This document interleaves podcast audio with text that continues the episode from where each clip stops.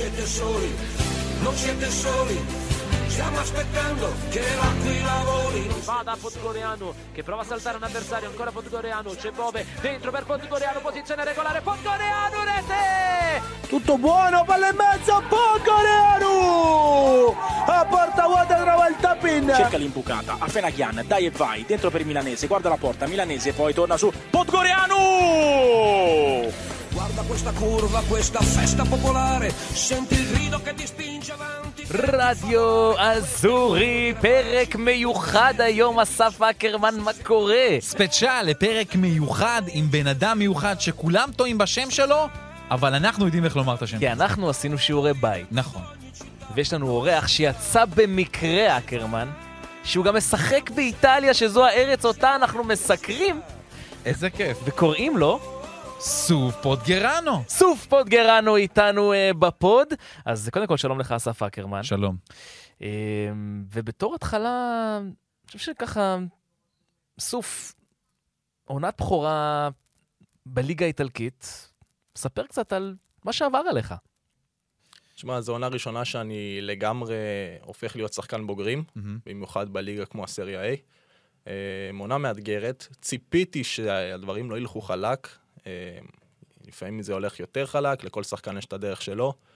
זו עונה שלקחתי ממנה הרבה, גם מהרגעים שפחות שיחקתי, זה דברים שייתנו לי הרבה לעתיד, וגם ברגעים שכן שיחקתי וכן קיבלתי את ההזדמנויות, זה גם אה, נתן לי הרבה להמשך. מה לקחת למשל? אז הנה בוא תפרוס לנו את זה. כמו לעשות אה, הופעת בכורה, או לשחק באצטדיונים עם 40-50 אלף, שזה דברים שלא הייתי רגיל אליהם. אז גם אם אתה עושה את זה 10 דקות, 15 דקות, זה, מה שזה נותן לך, זה, אין לזה תחליף. אז קצת באמת מספרים של סוף מהעונה, אה, חמש, אה, חמש הופעות, 109 דקות, בישול. אה, ספציה במקום ה-16 מסיים את העונה הזו. הצלחה אגב, בשביל ספציה, מי שלא מבין. להישאר בכל עונה שהיא תשרוד בסריה ואגב, סריה אנחנו לא סריה A, אנחנו תתרגל. זה, אנחנו איטליה, נגמר. אה, אין מה לעשות, צריך להנחיל את זה לאנשים לאט לאט. אז... אה, אז זה באמת הצלחה, כל עונה שהיא נשארת, זה, זה, זה, זה, זה הדבר, וככל שסוף יקבל יותר ויותר דקות, זה, זה יהיה יותר טוב. אתה יודע מה, אבל התחלת לאצטדיונים, אז איזה אצטדיון עשה לך את זה הכי הכי, כשנכנסת אמרת, וואו. שיחקנו נגד אה, אטלנטה, אה, זה היה בדיוק אחרי הפגרת אה, נבחרות, שקיבלתי את הזימון הראשון לנבחרת הבוגרת. אה, חזרתי יומיים לפני זה, לפני המשחק, ויומיים אחרי זה כבר שיחקנו באטלנטה, אצטדיון של 50 אלף. אה, נכנסתי ל-15 דקות, ובאמת, כאילו, זה אצטדיון שחדש מהשנתיים האחרונות. כן. אין, אין מילים, כאילו... מה, מה זה עושה בגוף? זאת אומרת, ת, ת, תכניס אותי לה- להרגשה. קודם כל, אתה יכול לעלות למשחק הזה בלי חימום אפילו. הגוף כבר כל כך מוכן, האנדרנלין. וגם כשאתה על המגרש, כל הקהל, 50 אלף, אתה נוגע בכדור, 50 אלף שריקות בוז, כאילו, זה עושה משהו בגוף. אתה בעצמך, אתה מרגיש, כשאתה עולה על המגרש, על מגרש כזה, או אתה יודע אם זה, מגר... או זה סנסירו או מגרשים אחרים, אתה מרגיש שייך? אתה מרגיש שזה זה המקום הנכון בשבילך? ברור שכן, זה כבר העונה השנייה שלי ב, במקומות האלה. בעונה הראשונה באמת זה היה משהו, בפעם הראשונה שנכנסתי לאולימפיקו נגיד, זה היה משהו ש, שאני לא יכול לשכוח. אבל אה, כן, אתה מתרגל לאט לאט, וכל פעם אתה עושה עוד קפיצת מדרגה. אם זה פעם אחת על הספסל, פעם שנייה על המגרש, פעם... יגיע גם הבישול והגול. אז בוא נדבר באמת על הקפיצות הקטנות האלו. אה, אתה מגיע לספציה, קבוצת בוגרים בפועל ראשונה שלך באיטליה, נכון, היית בסגל ברומא, אבל זו בפועל קבוצת הבוגרים הראשונה שלך. אה, איך מגיעה ההזדמנות הראשונה, איך הדבר הזה מתפתח? זאת אומרת, איך הדקות הראשונות שלך באיטליה, שתף אותנו בזה קצת. אני זוכר שהגעתי קרוב לתחילת העונה, משהו כמו שבוע לפני תחילת הליגה, אז לא היה לי הרבה זמן אה, להתחיל אה, להיות עם הקבוצה. ואת ההופעת בכורה שלי עשיתי נגד ונציה. אה, אחרי ש... דור פרץ, כמובן. כן, אחרי שחזרתי מה- מהפגרת נבחרות הראשונה, הייתי עם הנבחרת הצעירה. חזרתי ובאמת באותו שבוע של האימונים נראיתי באמת, באמת טוב, כאילו, נכנסתי לכושר, המאמן, אה, קיבלתי פידבקים טובים מהצוות, והרגשתי שזה באמת הולך להגיע. אה, הגענו לוונציה, משחק חוץ, והזמן עובר, משחק אה, לא פשוט, עם קבוצה בערך ברמה שלנו. זמן עובר, ואני מרגיש, היה לי תחושה כזאת בגוף שהיום זה היום. ואז אה, לקראת תחילת המחצית השנייה קיבלתי הוראה להתחיל להתחמם. עובר הזמן, ומשהו כמו לקראת הדקה ה-70, המאמן כושר אומר לי, תגביר, אתה הולך להיכנס. אז שאלתי אותו כמה פעמים, כאילו, אני נכנס בטוח, נשאר עוד אה, חילוף אחד. שלוש פעמים בערך שאלתי אותו, והוא כבר רצה, התעצבן עליי ואמר לי, אתה נכנס, כאילו. וקיבלתי את הקריאה כמה דקות אחרי, והשאר זה כאילו... מה חלום. אמר לך תיאגו מוטה שם ברגע לפני, עם המאמן לפני שאתה נכנס? הוא אמר לי, כל מה שהיה בעצם בשבוע אימונים, תעשה מה שעשית באימונים, אה, אל, תעשה מה שאתה יודע לעשות, אני סומך עליך. אה, באמת נכנסתי, משחק, הופעת בכורה, אני חושב, אה, עם הרבה התרגשות, אבל אה, שיחקתי את המשחק שלי. אה, גם ניצחנו את המשחק בדקה ה-90, אז כאילו, זה היה משהו באמת מיוחד. זה בכלל כיף. ובבית שלכם, נכון זה היה? לא, זה היה בחוץ, בוונציה. בוונציה. כן. וואה, ההגעה למגרש הייתה כיפית? אה, 40 דקות על סירה. זה הסיפור, כן. אה, גם המלון הוא מחוץ לעיר, זה הכל על המים, באמת משהו מיוחד שלא נתקלתי לפני. אז אה, אמרת, מוטה בעצם אומר לך, תעשה מה, ש... מה שאתה עושה באימונים. קצת על האימונים, תחת תיאגו מוטה, בכל זאת זו דמות, אתה יודע, אייקונית. כן, אה, אין ספק שהוא היה בין השחקנים הטובים אה, בעולם לתפקידו. הוא גם אישיות, הוא, בכל איטליה הוא, הוא כמו אלוהים. ובאמת מהרגע שהגעתי, כאילו, ניסיתי ללמוד ממנו כמה שיותר. זה בן אדם שהיה ברמות הכי גבוהות, הוא יודע לתפקד במצבי לחץ, והוא גם לא היה משדר לנו לחץ אף פעם. אה, ניסיתי ללמוד ממנו כמה שיותר, ואני גם שמח שיצא לי לעשות את השנה הזאת איתו. ובכל זאת, אבל, הוא לא נתן לך הרבה הזדמנויות גם. הוא לא נתן לי הרבה, כי אני חושב שהוא לא היה מספיק הלך עם המועדון באותו, באותו הדרך. הוא יותר חשב על עצמו ופחות על האינטרסים של המועדון. אה, ובגלל זה גם אה, השחקנים הצעירים יותר, שגם אני חלק מהם, טיפה פחות קיבלנו את הקרדיט. למרות שכן קיבלנו את הקרדיט, כן עשינו דברים טובים, אבל הוא החליט ללכת על, אה, על בטוח עם השחקנים הקצת יותר ותיקים. אתה חושב שזאת הסיבה גם שהוא משלם בעצם בתפקיד שלו אולי? לא, אני לא יודע בדיוק מה הסיבות שבגללן הוא עוזב, אבל אני, את האמת, אין לי מה, מה להתייחס לזה, באמת מסתכל רק כן. על עצמי. ברמת הניוז רק נספר למאזינים שלנו, אה, תיאגו מוטה עוזב את ספציה, למרות שהוא הצליח להשאיר אותם בליגה. לוקה גוטי הוא יהיה המאמן אה, שימונה. זה לוקה גוטי, בן אדם שמכיר טוב בעיקר את המנהל המקצועי של ספציה כרגע, את המנהל הטכני שלה, את ריקרדו פצ'יני, אה, שאחד מה, מהגאונים באיטליה, ריקרדו פצ'יני, מי שמכיר את, ה, את העבר שלו, מה שהוא עשה במונקו, שהצליח להקים אותה ול- לגדולה, האיש שאולי הביא את מודריץ', נקרא לזה ככה, והצליח אה, להיות איתו, היה עוזר של מנצ'יני, אם אני לא טועה, במנצ'סטר סיטי, אה, שם בתקופות של האליפות, ועוד ועוד דברים שהוא צריך לעשות. אה, אז אה, זה גוטי בעצם היה אצל מנצ'יני. וזהו, אמרת, אמרת הדרך של המועדון. אה, כשאתה הגעת לספציה, מה בעצם, על מה, על מה דובר איתך? זאת אומרת, מה- מהי אותה דרך של המועדון? הגעתי? בתור שחקן צעיר מרומא, שיוצא מהמחלקת נוער, ושחקן שהיה חלק מהקבוצה הבוגרת. אומנם לא עשיתי הופעת בכורה, אבל הייתי כמעט בחצי שנה האחרונה מתאמן רק עם הקבוצה הבוגרת, ויוצא כמעט לכל המשחקים. פרסו בפניי את הפרויקט, שהוא פרויקט בשביל שחקנים צעירים, שהמטרה של המועדון זה לפתח שחקנים, שנה, שנתיים, שלוש, ולמכור אותנו לקבוצות הגדולות ביותר. אה, זה משהו שעניין אותי מאוד, זה משהו שמאוד סקרן אותי. הרגשתי שזה, שזה המקום הכי טוב עבורי בשלב הזה של הקריירה, ואני עוד פעם, אני מאוד שמח שבחרתי בו. גם אם השנה לא קיבלתי את, את ההזדמנויות שציפיתי לקבל, אבל uh, תמיד יש את העונה הבאה. הרגשת באיזשהו שלב קצת מתוסכל בדבר- ברגעים האלה? תשמע, אם תשאל כל שחקן כדורגל שהוא לא משחק, אם הוא מתוסכל בגלל שהוא לא משחק, אז ברור שהוא יגיד לך שכן, ומי שיגיד לך שלא, הוא משקר. אבל עוד פעם, אני מסתכל על המקום שאני נמצא בו, על הדרך שאני עובר, מהמם. ואני גם מבין שלפעמים צריך הרבה סבלנות, וברגע שההזדמנות האמיתית תגיע, זה יהיה תלוי בי ואני אצטרך לקחת אותה בשתי ידיים. משפטים כאלה אני לא מוצא מילד בן 20 בדרך כלל. אז זה מראה על איזושהי בגרות. מאיפה זה מגיע? שמע, שאתה עוזב את הבית בגיל 18 בשביל להגשים חלום, אה, אתה גם לומד על הרבה דברים על עצמך שלא ידעת לפני. מה למדת על עצמך? קודם כל שאני תלוי אך ורק בעצמי. אה, אני יכול להסתדר אה, לבד, אני לא צריך אף אחד שידאג לי.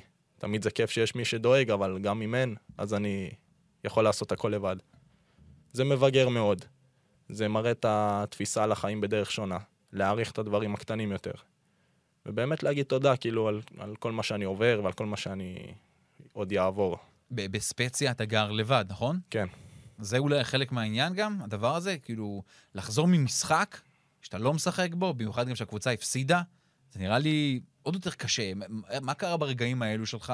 זאת אומרת, זה טלפון ראשון הביתה? איך זה עובד? זה הרבה פעמים פשוט אפילו לסגור את הפלאפון ולהיות לבד עם עצמך. כי עוד פעם, לנהל אה, תקשורת דרך הפלאפון זה לא כמו לנהל פנים אל פנים. כן. אז לפעמים אתה מעדיף להיות לבד.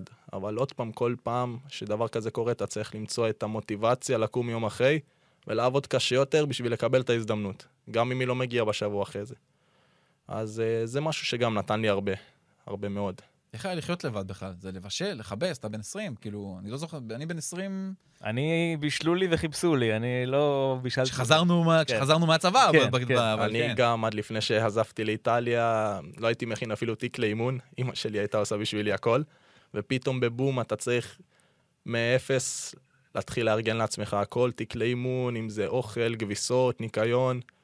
אה, אז זה משהו שבהתחלה אולי קצת קשה, אבל עוד פעם, הוא נותן הרבה. תקשיב, זה לא רק כביסה ואוכל, זה שפה, זה מדינה, כן. זה חדר הלבשה. עיר, הכל. חדר הלבשה, עיר, תרבות.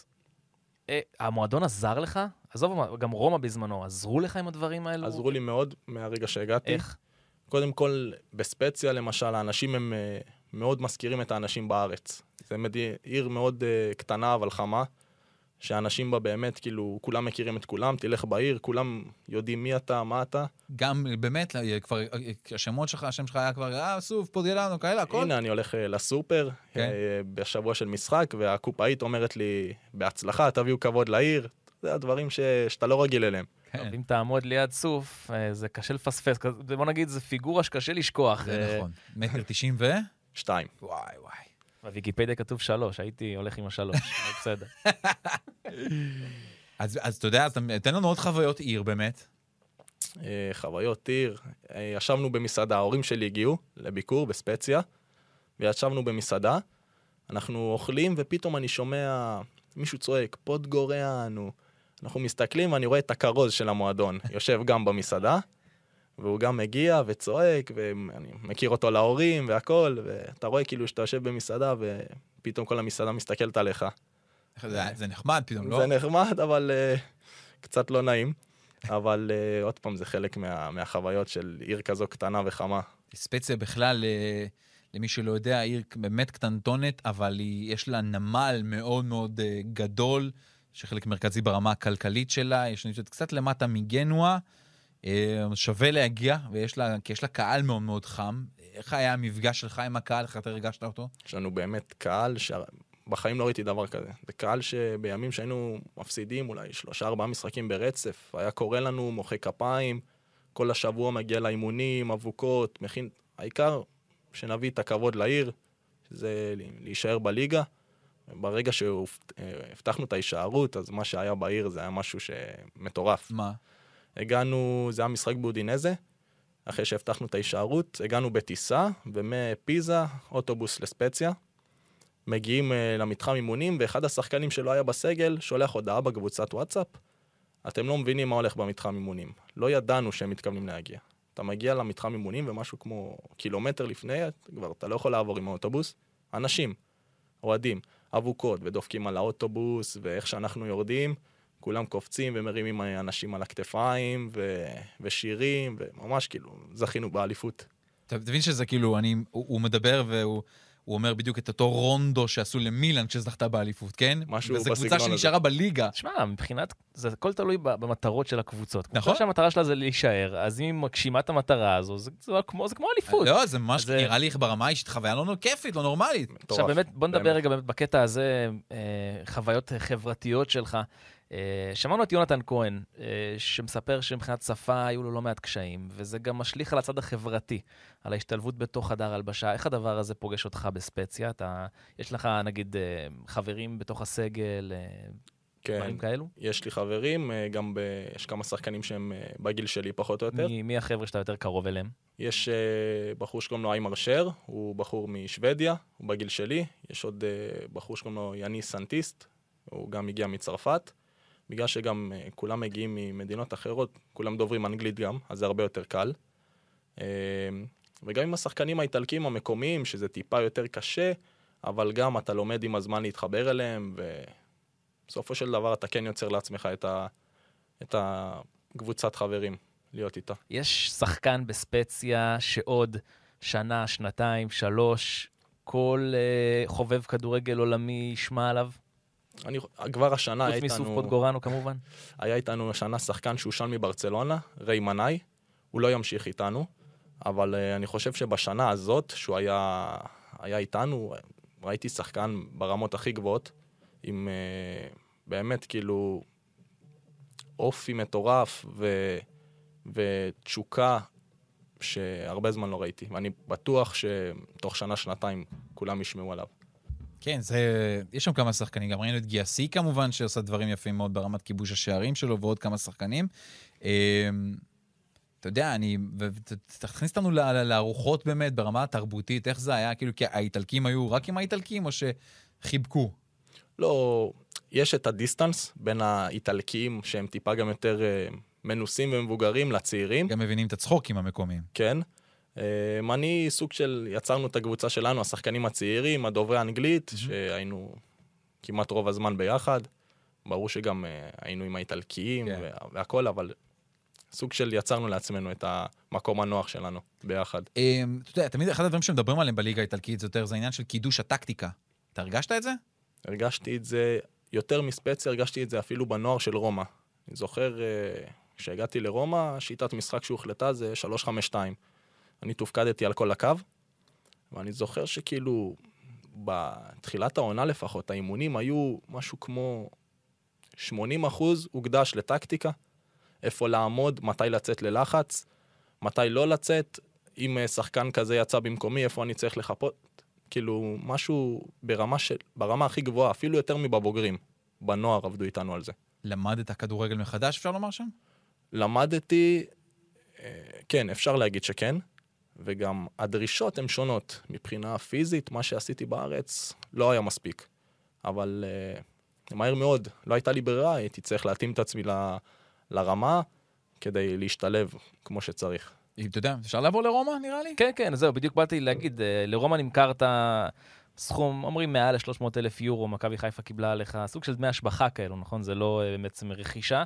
שלושה שערים, שבעה בישולים ב-28 הופעות, מספרים מגניבים ממש, ממש אחלה מספרים. קבוצה שכמעט לקחה את האליפות, רומא. היו במאבק על מקום ראשון הרבה מאוד זמן, ואם הם, ובכלל, עבור רומא לקחת אליפות, גם בנוער, בפרימוורה, זה עוד משהו ענק. עצם זה שהם היו כל, למעלה כל כך הרבה זמן. ויש שם גם כמה שחקנים שיצאו אחר כך, אם זה וולפטו למשל, אנחנו, הוא שיחק איתך וולפטו? כן, הוא כן, שיחק נכון? איתי, הוא שנה מתחתיי. כן. יש את uh, ניקולה זלסקי, שהשנה הוא היה חלק... הפולני הנהדר. כן, גדול מהסגל של רומא. היינו באמת נוער שאני חושב שגם באיטליה דיברו שהרבה זמן לא היה. הוא הוציא כמעט חמישה או שישה שחקנים מהנוער, שנה אחרי זה לסריה A, שזה משהו שהרבה זמן לא היה באיטליה. באמת היינו נוער ב... מאוד מיוחד. הכל התחבר לנו עד מחזור אה, שמיני, לא הפסדנו, עד שהתחילו לעלות שחקנים לבוגרים, בגלל שהיינו כל כך טובים בנוער, וזה קצת פגע לנו. כן. אבל uh, באמת היינו קבוצה מצוינת, ושחקנים מצוינים. אחד מהאנשים שעולים לבוגרים, לפחות להתאמן עם, הסג... להתאמן עם הסגל זה אתה. Uh, אתה ילד בן 18 באותה תקופה, 19, 18 על התפר. זה מטורף, מקצף למתחם האימונים של רומא. טריגוריה. זה עם כוכבים הכי גדולים ביבשת. איך, ספר על ה... על הבריחה הראשונה. הבריחה הראשונה שם על הדשא.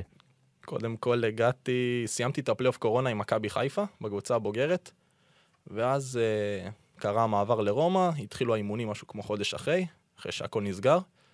הגעתי לרומא, ואתה יודע, הגעתי בתור ילד בן 18, שלא מכירים יותר מדי, באיטליה בכלל, ואמרתי לעצמי, טוב, אתה מגיע למועדון כל כך גדול, אל, אל תהיה לחוץ, אל תמהר, גם אם בשנה הזאת לא, לא תמיד תשחק ולא תשתלב בנוער אפילו, תיקח את הזמן.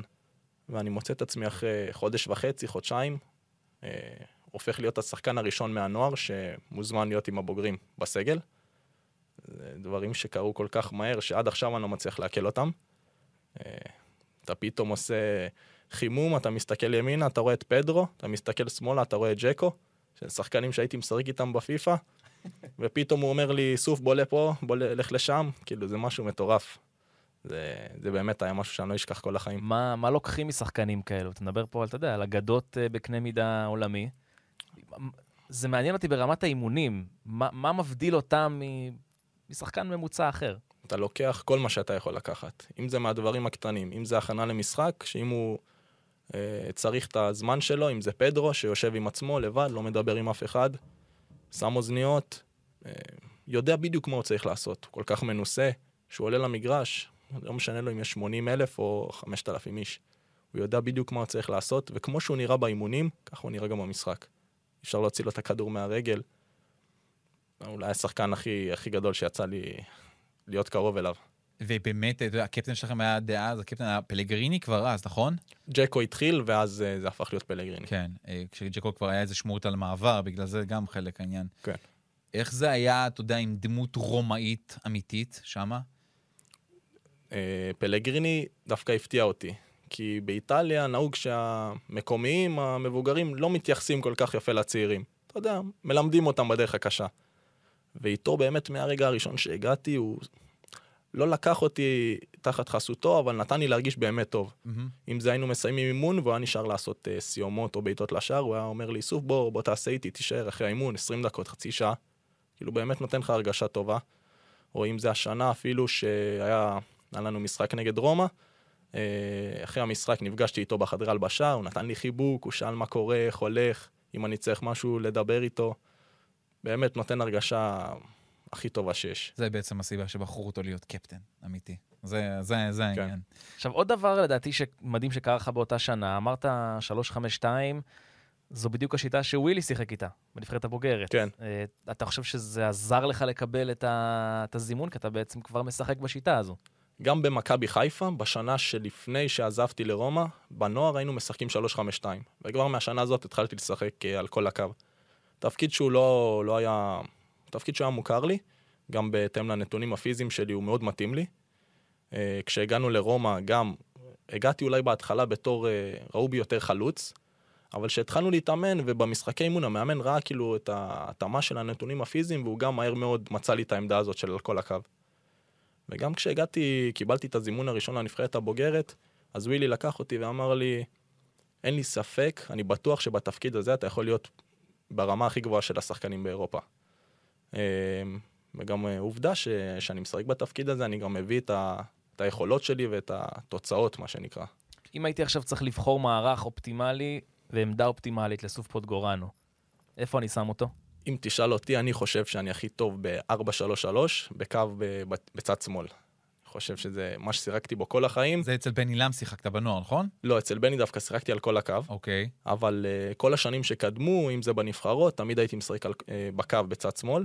זה כאילו, ככה כולם תמיד הכירו אותי, ואני חושב שאני גם הכי טוב בתפקיד הזה. איך היה, אתה יודע, אחת הדמות שאני נזכר, כמובן, המאמן שלך ברומא, אלברטו דה רוסי. כן. זה אגדה מטורפת בתוך המועדון שם, מן הסתם האבא של דניאלה דה רוסי גם. זה באמת מאמן, זה טיפוס שהייתי מאחל לכל שחקן כדורגל אה, צעיר לעבור דרכו. הוא כל כך אוהב את המשחק, יש לו כל כך הרבה תשוקה, בן אדם שכבר עבד 25 שנה בנוער של רומא, ואתה רואה אותו שנה אחרי שנה, מגיע לאימון הראשון עם כל כך הרבה תשוקה, והוא גם מעביר את זה לשחקנים, ומהרגע הראשון נותן לנו להבין שאין אין אצלו כאילו, הוא לא, הוא לא עייף מהמשחק. הוא רוצה כל שנה לזכות באליפות, הוא עושה הכל, אם זה ב, בימים שיש מבול, הוא מגיע עם המעיל, ועובד וצועק, ובאמת נה- נהנה. מה הוא אומר, הוא דיבר איתך? מה הוא אומר לך ברמה האישית? כשהגעתי באימון הראשון, אה, הוא לקח אותי ואמר לי, אני לא צריך שתנסה להוכיח לי משהו. אני יודע למה אתה פה, בגלל זה גם הבאתי אותך. תעשה מה, ש, מה שאני יודע שאתה יודע לעשות, ומשם אני כבר אה, אדע איך, איך לקדם אותך. ובאמת, הוא גם עשה את זה. מהרגע הראשון הוא נתן לי את הקרדיט, לקחתי את זה בשתי ידיים, אבל הוא תמיד הבהיר לי שזה לא מספיק, תמיד. הוא הראה לי איפה אני יכול עוד להתקדם, וגם כשעליתי לקבוצה הבוגרת, הוא תמיד היה קורא לי אחרי האימונים ומסביר לי את זה שאתה בבוגרים. אל תיתן איזה... אל תנוח על זירי דפנה. גם כשהייתי חוזר לנוער לשחק, הוא היה מתייחס אליי אותו דבר. באמת זכיתי לעבוד, לעבוד איתו. הבן שלו הגיע, דניאלה, קצת? ראית אותו? אה, את האמת שלא יצא לי, הוא לא היה מגיע, אבל אה, אגדה בפני עצמה. אז שלושה בישולים, אה, שלושה שערים, שבעה בישולים, 28 הופעות, חלק מקבוצת נוער היסטורית של רומא. ואז נגמרת העונה, ומגיע שריף חדש לבירת איטליה, קוראים לו ז'וזה מוריניו, וסוף פוטגורנו בחוץ. מה קרה? פעם, זה לא שקרה משהו. מוריניו, כמו שכולם יודעים, הוא מאמן שאוהב קבלות. אה, הוא מאוד בוחר את השחקנים שלו לפי מה שהם עשו לפני. אה, איך שהוא הגיע לרומא, הוא ישר אה, קנה את תמי אברהם ב-40 מיליון יורו, הביא עוד שני רכישות ב-10-15 מיליון. וכאילו, הייתה לי את האופציה מצד אחד להישאר בסגל, והמועדון גם מאוד רצה שאני אשאר. אבל מצד שני הייתה לי את האופציה לצאת לקבוצה כמו ספציה, שפתחו בפניי את התהליך ואת הדרך, והבחירה הייתה שלי. אז ישבתי, חשבתי הרבה מה יהיה הכי נכון לי, והסתכלתי על uh, נתונים, שחקנים שעברו דרכו של מוריניו בגיל, בגילאים כמו שלי, לא משחקים. כמו אם זה ניקח היום שחקנים כמו, אני לא משווה, אבל קווין דה בריינה, רומלו לוקאקו, מוחמד סאלח, לא שיחקו, הוא איבד אותם. כן, בגיל 20 היו אצלו ולא קיבלו את ההזדמנות. יצאו החוצה וחזרו כ... כשחקנים הכי גדולים בעולם. אז אמרתי, אם הם כן, גם אני יכול. אז קיבלתי את ההחלטה לצאת מרומא. אה, עוד פעם, אני מאוד מאושר שלקחתי את ההחלטה הזאת. זאת אומרת, כי הפ- הפרסומים היו שמוריניו היה זה שוויתר עליך. לא, זה לא נכון, אתה ויתרת על רומא. לא, זה לא לא, שוויתרתי הייתה על. רומא, זו הייתה אה, החלטה דו-צדדית. שני המועדונים אה, נתנו לי את האופציה להישאר ונתנו לי את האופציה לצאת. אני בחרתי שאני מעדיף לצאת. המועדון קיבל את זה בהבנה, ו- וזהו. אתה יודע, כשאתה מסתכל בכלל על הליגה האיטלקית, מה אתה חושב עליה? זה ליגה שלא מעריכים אותה מספיק. יש איזושהי סטיגמה על הליגה האיטלקית שהיא מאוד מקובעת, מאוד מבוגרת, מאוד הכדורגל מאוד מיושן, זה לא נכון. אתה מגיע למשחקים נגד קבוצות כמו יובנטוס, אינטר, מילאן, זה השחקנים הכי טכניים בעולם, הכי מהירים בעולם, הכי אינטליגנטים בעולם, ואז אתה מבין שמה שחושבים זה, זה ממש לא נכון. אה, יצא לי להיות אה, במשחק עכשיו נגד יובנטוס על הספסל, ואני מסתכל על שחקן כמו ארתור, שהגיע מברצלונה. שחקן קשר אחורי, 90 דקות לא מאבד כדור אחד. עושה מה שהוא רוצה. אתה אומר כאילו, זה שחקן שאתה יכול להגיד שהוא רק טקטי? ברמה הטכנית הכי גבוהה שיש. וואי, אני נזכר ששיחקתם נגד מילאן, רציתם ממנו ניצחון, דקה 90. עם הרבה מזל. מה זה מזל? השופט אה, צריך לאשר את הגול, עשה שם טעות. כן, וואי וואי. איך היו החגיגות בחדר הלבשה? היה מטורף. מטורף. כאילו, מגיע לנו גם קצת מזל. כי גם אנחנו הרבה פעמים היינו סובלים מהחלטות שיפוט, אם זה פנדל בדקה האחרונה או דברים כאלה. סוף סוף הגיע לנו גם קצת מזל, אז שמחנו מאוד.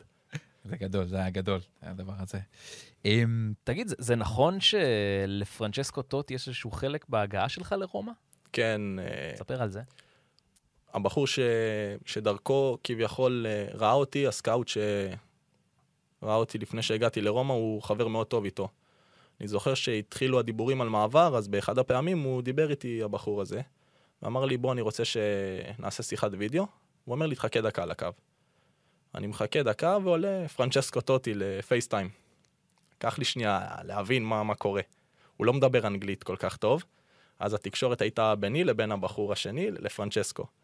הוא אמר לי, סוף, ראיתי אותך.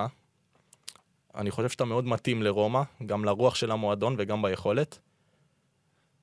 אני מאוד ממל... המלצתי למועדון שייקח, אותו, שייקח אותך, ותוכיח לי ש... שאני לא טעיתי. צמרמורות. צמרמורות, חד משמעית. טרפת. מדהים. נראה לי שעד עכשיו שהוא מספר את זה, הוא חד ב... משמעית. אני, אני נתקפתי צמרמורות, כן. אז הוא, וואו, וואו, וואו. משמעית. כמה, אתה יודע, לא הרבה יודעים, כמה, מה זה לא הרבה יודעים? סליחה, יודעים. כמה הוא ענק שם בתוך המועדון, גם כשהוא לא נמצא.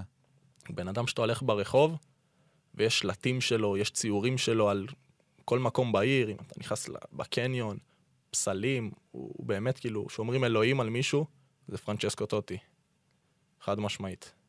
איזה, כן, זה, זה באמת האיש. Um, אתה יודע, אנחנו מתקרבים קצת לקראת הסוף באמת והכל, ומה אתה מרגיש ברמה האישית שאתה צריך עוד לשפר? קודם כל, אני חושב ש... אולי בגלל שלא קיבלתי מספיק את הדקות שלי העונה, אבל ברור שאני צריך להביא יותר מספרים בתפקיד שאני נמצא בו. אין לי ספק, ברגע שאני אקבל את ההזדמנות האמיתית, אני גם אביא את זה. אבל uh, אני צריך לעבוד עוד פעם. בסופו של דבר על הכל, אני עדיין לא, לא מיציתי אפילו, אני חושב, חצי ממה שאני יכול להגיע אליו, אבל זה תהליך, אני שחקן מאוד צעיר בליגה כל כך גדולה, ויש לי זמן ויש לי הרבה סבלנות, ואני גם אוהב לעבוד קשה, ואני גם אעשה את זה. אמנם אנחנו גם פודקאסט, אבל גם יש וידאו, ואולי את זה נחתוך, אבל יש לך שני קעקועים מטורפים על הידיים. מה, מה הסיפור שלהם? זאת אומרת, בוא נתחיל עם הנמר, טיגרי, ספר לנו אתה מה זה. את האמת שזה לא קעקועים עם משמעות. כאילו, אין, אין לזה, אני לא יכול לתת לך סיפור על יש לי, הקעקועים. תרים למעלה באזור של המיקרופון, שידעו שיש מצלמה שמצלמת. כן, זה לא, עוד פעם, זה לא משהו עם משמעות. דברים שאהבתי מאוד. אני יכול לחבר אותם אליי, אבל לא עם סיפור. אוקיי. פשוט רואה בזה הרבה את עצמי, את הדרך שעברתי. להיות סוג של, אם זה יש לי פה את הזאב, זה סוג של להיות, לא אגיד זאב בודד, אבל כן מישהו שכן עבר דברים לבד. גם, אני אוהב את זה גם על הגוף, איך שזה, אני אוהב את זה מאוד. זה נראה טוב באינסטגרם גם. כן, כן, חד משמעית. אמ, אז אתה מדבר על העונה הבאה, אתה נשאר חד משמעית בספציה? כרגע אני בספציה, אני שייך לספציה, יש לי חוזה לעוד שלוש שנים. אנחנו מתחילים להתאמן עוד מעט. אה, אני אפגש עם המאמן, אני אשב איתו, אני רוצה לשמוע מה, מה הוא חושב עליי, איך אני יכול לעזור לקבוצה. ומשם נצא לדרך. עכשיו, יכול להיות, זה משהו שאתה מוכן לשקול אולי לצאת להשאלה לסריה B, או אולי ללכת במסלול של ליגיונרים קצת אחרים, בין אם זה, אולי אני הולך קצת גבוה, אבל נגיד ליאל עבדה, שהולך לליגה פשוטה יותר ומככב. זה מסלול שאתה חושב עליו, או שאתה מעדיף להישאר ב... ב-IV ליג של הליגות, בחמש הגדולות. כמו שאמרתי, לכל שחקן יש את הדרך שלו להתפתח. אה, כל שחקן הוא גם שונה באופי משחק שלו ובסגנון. אני כרגע שייך לספציה. אני מאוד אוהב את, ה... את הליגה האיטלקית. אני חושב שהיא מתאימה לי. אה, אני לא חושב, עוד פעם, בכדורגל אי אפשר להגיד משהו שהוא בטוח, אבל אני חושב שכן, אני צריך לקבל את ההזדמנות שלי, ואני בטוח שכשאני אקבל אותה, אני כן אוכיח שזה המקום שלי גם. בעצם הוא חתך בחוזה לעוד שלוש עונות בכל מקרה שם, זאת אומרת, יש זמן לדברים האלה. כן. כן. אה, טוב, לאיפה אתם הולכים לעשות את המחנה אימונים? אנחנו יוצאים לערים. באיטליה זה מאוד נהוג לא, לא לצאת מהמדינה, איטליה ענקית, אז אם אתה נמצא בספציה שזה קרוב לים, אתה הולך לכיוון הערים. אה, מקומות שהם מיוחדים בשביל הדברים האלה, מאוד פסטורליים, מגרשים, בתי מלון, אה, הכנה אידיאלית, מה שנקרא. אם מישהו שומע את הפודקאסט הזה, מאוד מאוד אה, מצליח להבין כמה אתה באמת בוגר ומאוד הרבה מאוד לבד, שזה כחלק מהתהליך, אבל אני יודע, לפחות ממה שאני יודע, שאתה דווקא מאוד מחובר לאיזושהי דמות משפחתית עם אבא שלך, נכון? זה משהו אחר בקשר. ברור, אני חייב לאבא שלי אולי הכל. אה, בן אדם שהיה היה בשבילי מהיום שאני התחלתי לשחק כדורגל, בימים הטובים, בימים הלא טובים. אה, תמיד היה דואג לאזן אותי, אם זה אחרי משחקים גדולים להוריד אותי לקרקע, ואם זה אחרי משחקים פחות טובים, גם לתת לי קצת בראש, אבל לדעת לייצב אותי בחזרה. יש לנו יחסים שהם באמת מיוחדים. אני חושב שזה גם נתן לי הרבה אה, ביום שעזבתי את הארץ. כאילו, סוג של תמיד הכין אותי ליום הזה שאני אצטרך להיות תלוי בעצמי. דני פוטגרנו, למי שלא יודע, אתה יצא לך לראות אותו משחק? לא, ממש אולי לקראת הסוף, אבל אני לא זוכר כל כך, אבל סיפורים טובים בטוח יש. בטוח. זה יפה. טוב, אה, נהדר, אז אנחנו, מה, מה, יש לך עוד איזו שאלה ככה? אני, אני נורא רוצה כן. לראות אותו מצליח. אני גם, קודם כל, נראה לי בחור מקסים חבל על הזמן, באמת. ו- כן, ו-. וזה- ורואים, תשמע, לא הכרתי אותך כשחקן מכבי חיפה, אבל רואים שאתה בחור בוגר, אתה פשוט בן אדם בוגר. ומעניין אותי בהקשר הזה באמת, מה מייחד אותך שיצאת לחו"ל בגיל 18? כאילו, יש כל כך הרבה כישרונות על, גם איתך, אם זה סתיו נחמני ששיחק איתך במכבי חיפה, או אין ספור שחקנים אחרים, זה אפילו עכשיו אוסקר גלוך, שגם בן 18. מה מייחד אותך? למה סוף פוטגורנו יצא לחו"ל כל כך מוקדם, והרוב המוחלט לא עושים את זה? אני חושב שבעצם ההבנה שלי של איך באמת העולם הזה עובד, עולם הכדורגל, זה גם מה שגרם לי גם להתקדם יותר. אתן לך סיפור, כשאולי אחרי חודשיים שהגעתי לרומא, אה, קיבלתי, כי הזמינו אותי לסגל של הקבוצה הבוגרת, ובאמת באותו שבוע המאמן כאילו תרגל אותי, ב... לא בהרכב, אבל מישהו שיכול להיכנס בתור חילוף. אחרי שבאמת עשיתי משחקים טובים בנוער. ואני חושב שזה היה הזמן הכי, אולי התקופה הכי טובה שלי בעונה. הגענו למשחק נגד uh, קרוטונה, שזו קבוצה שעכשיו היא בסריה B, והתחיל המשחק, פתחתי על הספסל, הובלנו במחצית 3-0. ואז אה, ירדנו, והשחקן שהיה משחק על כל הקו, ריק אה, קרזרוף, הוא אמר לי, תהיה מוכן, אתה הולך לשחק היום. טוב, אמרתי, הכל טוב, תמשיך. אה." ואז לקראת דקה 60 אומרים לי, לך להתחמם.